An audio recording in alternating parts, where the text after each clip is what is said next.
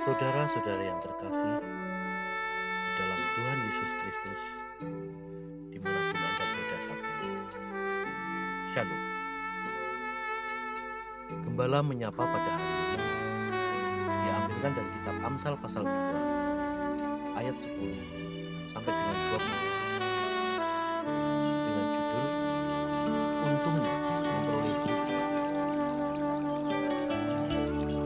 Saudara-saudara yang terkasih, kita tidak dapat memungkiri bahwa salah satu motivasi seseorang melakukan atau memperjuangkan sesuatu adalah karena keuntungan. Jika tidak ada untungnya, untuk apa berusaha melakukannya? Sayang sekali, banyak orang tidak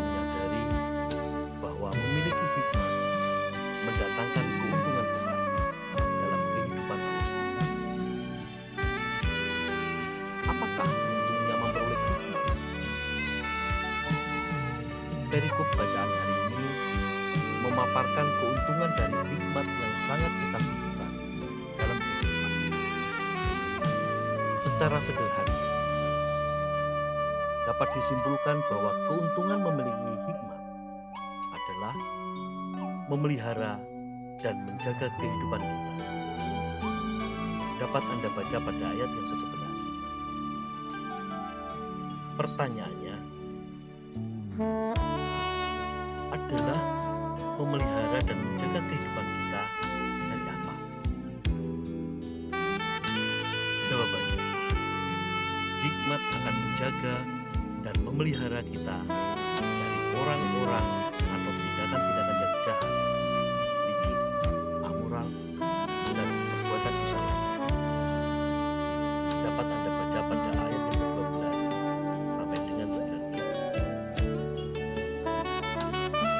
Saudara-saudara yang dunia di mana kita hidup hari ini adalah dunia yang makin jahat, makin licik, dan makin amoral. Memiliki hikmat adalah cara yang ampuh untuk menjaga diri kita supaya tidak terjerumus ke dalam kehidupan dunia yang makin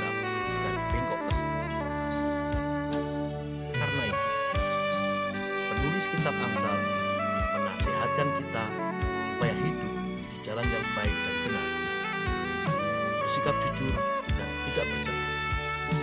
Dapat Anda baca pada ayat yang ke-20 dan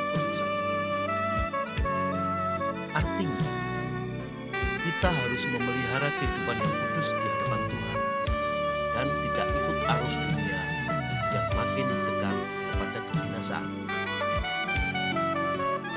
Kekudusan dan kesalehan akan memelihara hidup, terhindar dari kejahatan, kebencian, dan amorilan, amoralitas, sehingga kehidupan kita tetap diperkenan Tuhan di tengah dunia yang penuh dengan dosa ini. Saudara-saudara yang apakah kita sedang merasa khawatir kondisi dunia yang makin merosot secara moral saat ini?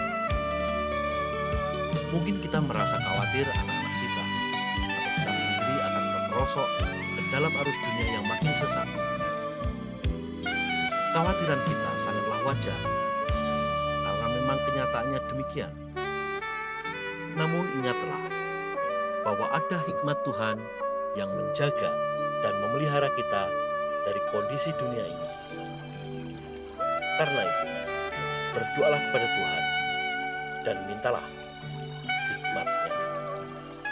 Tuhan memberkati.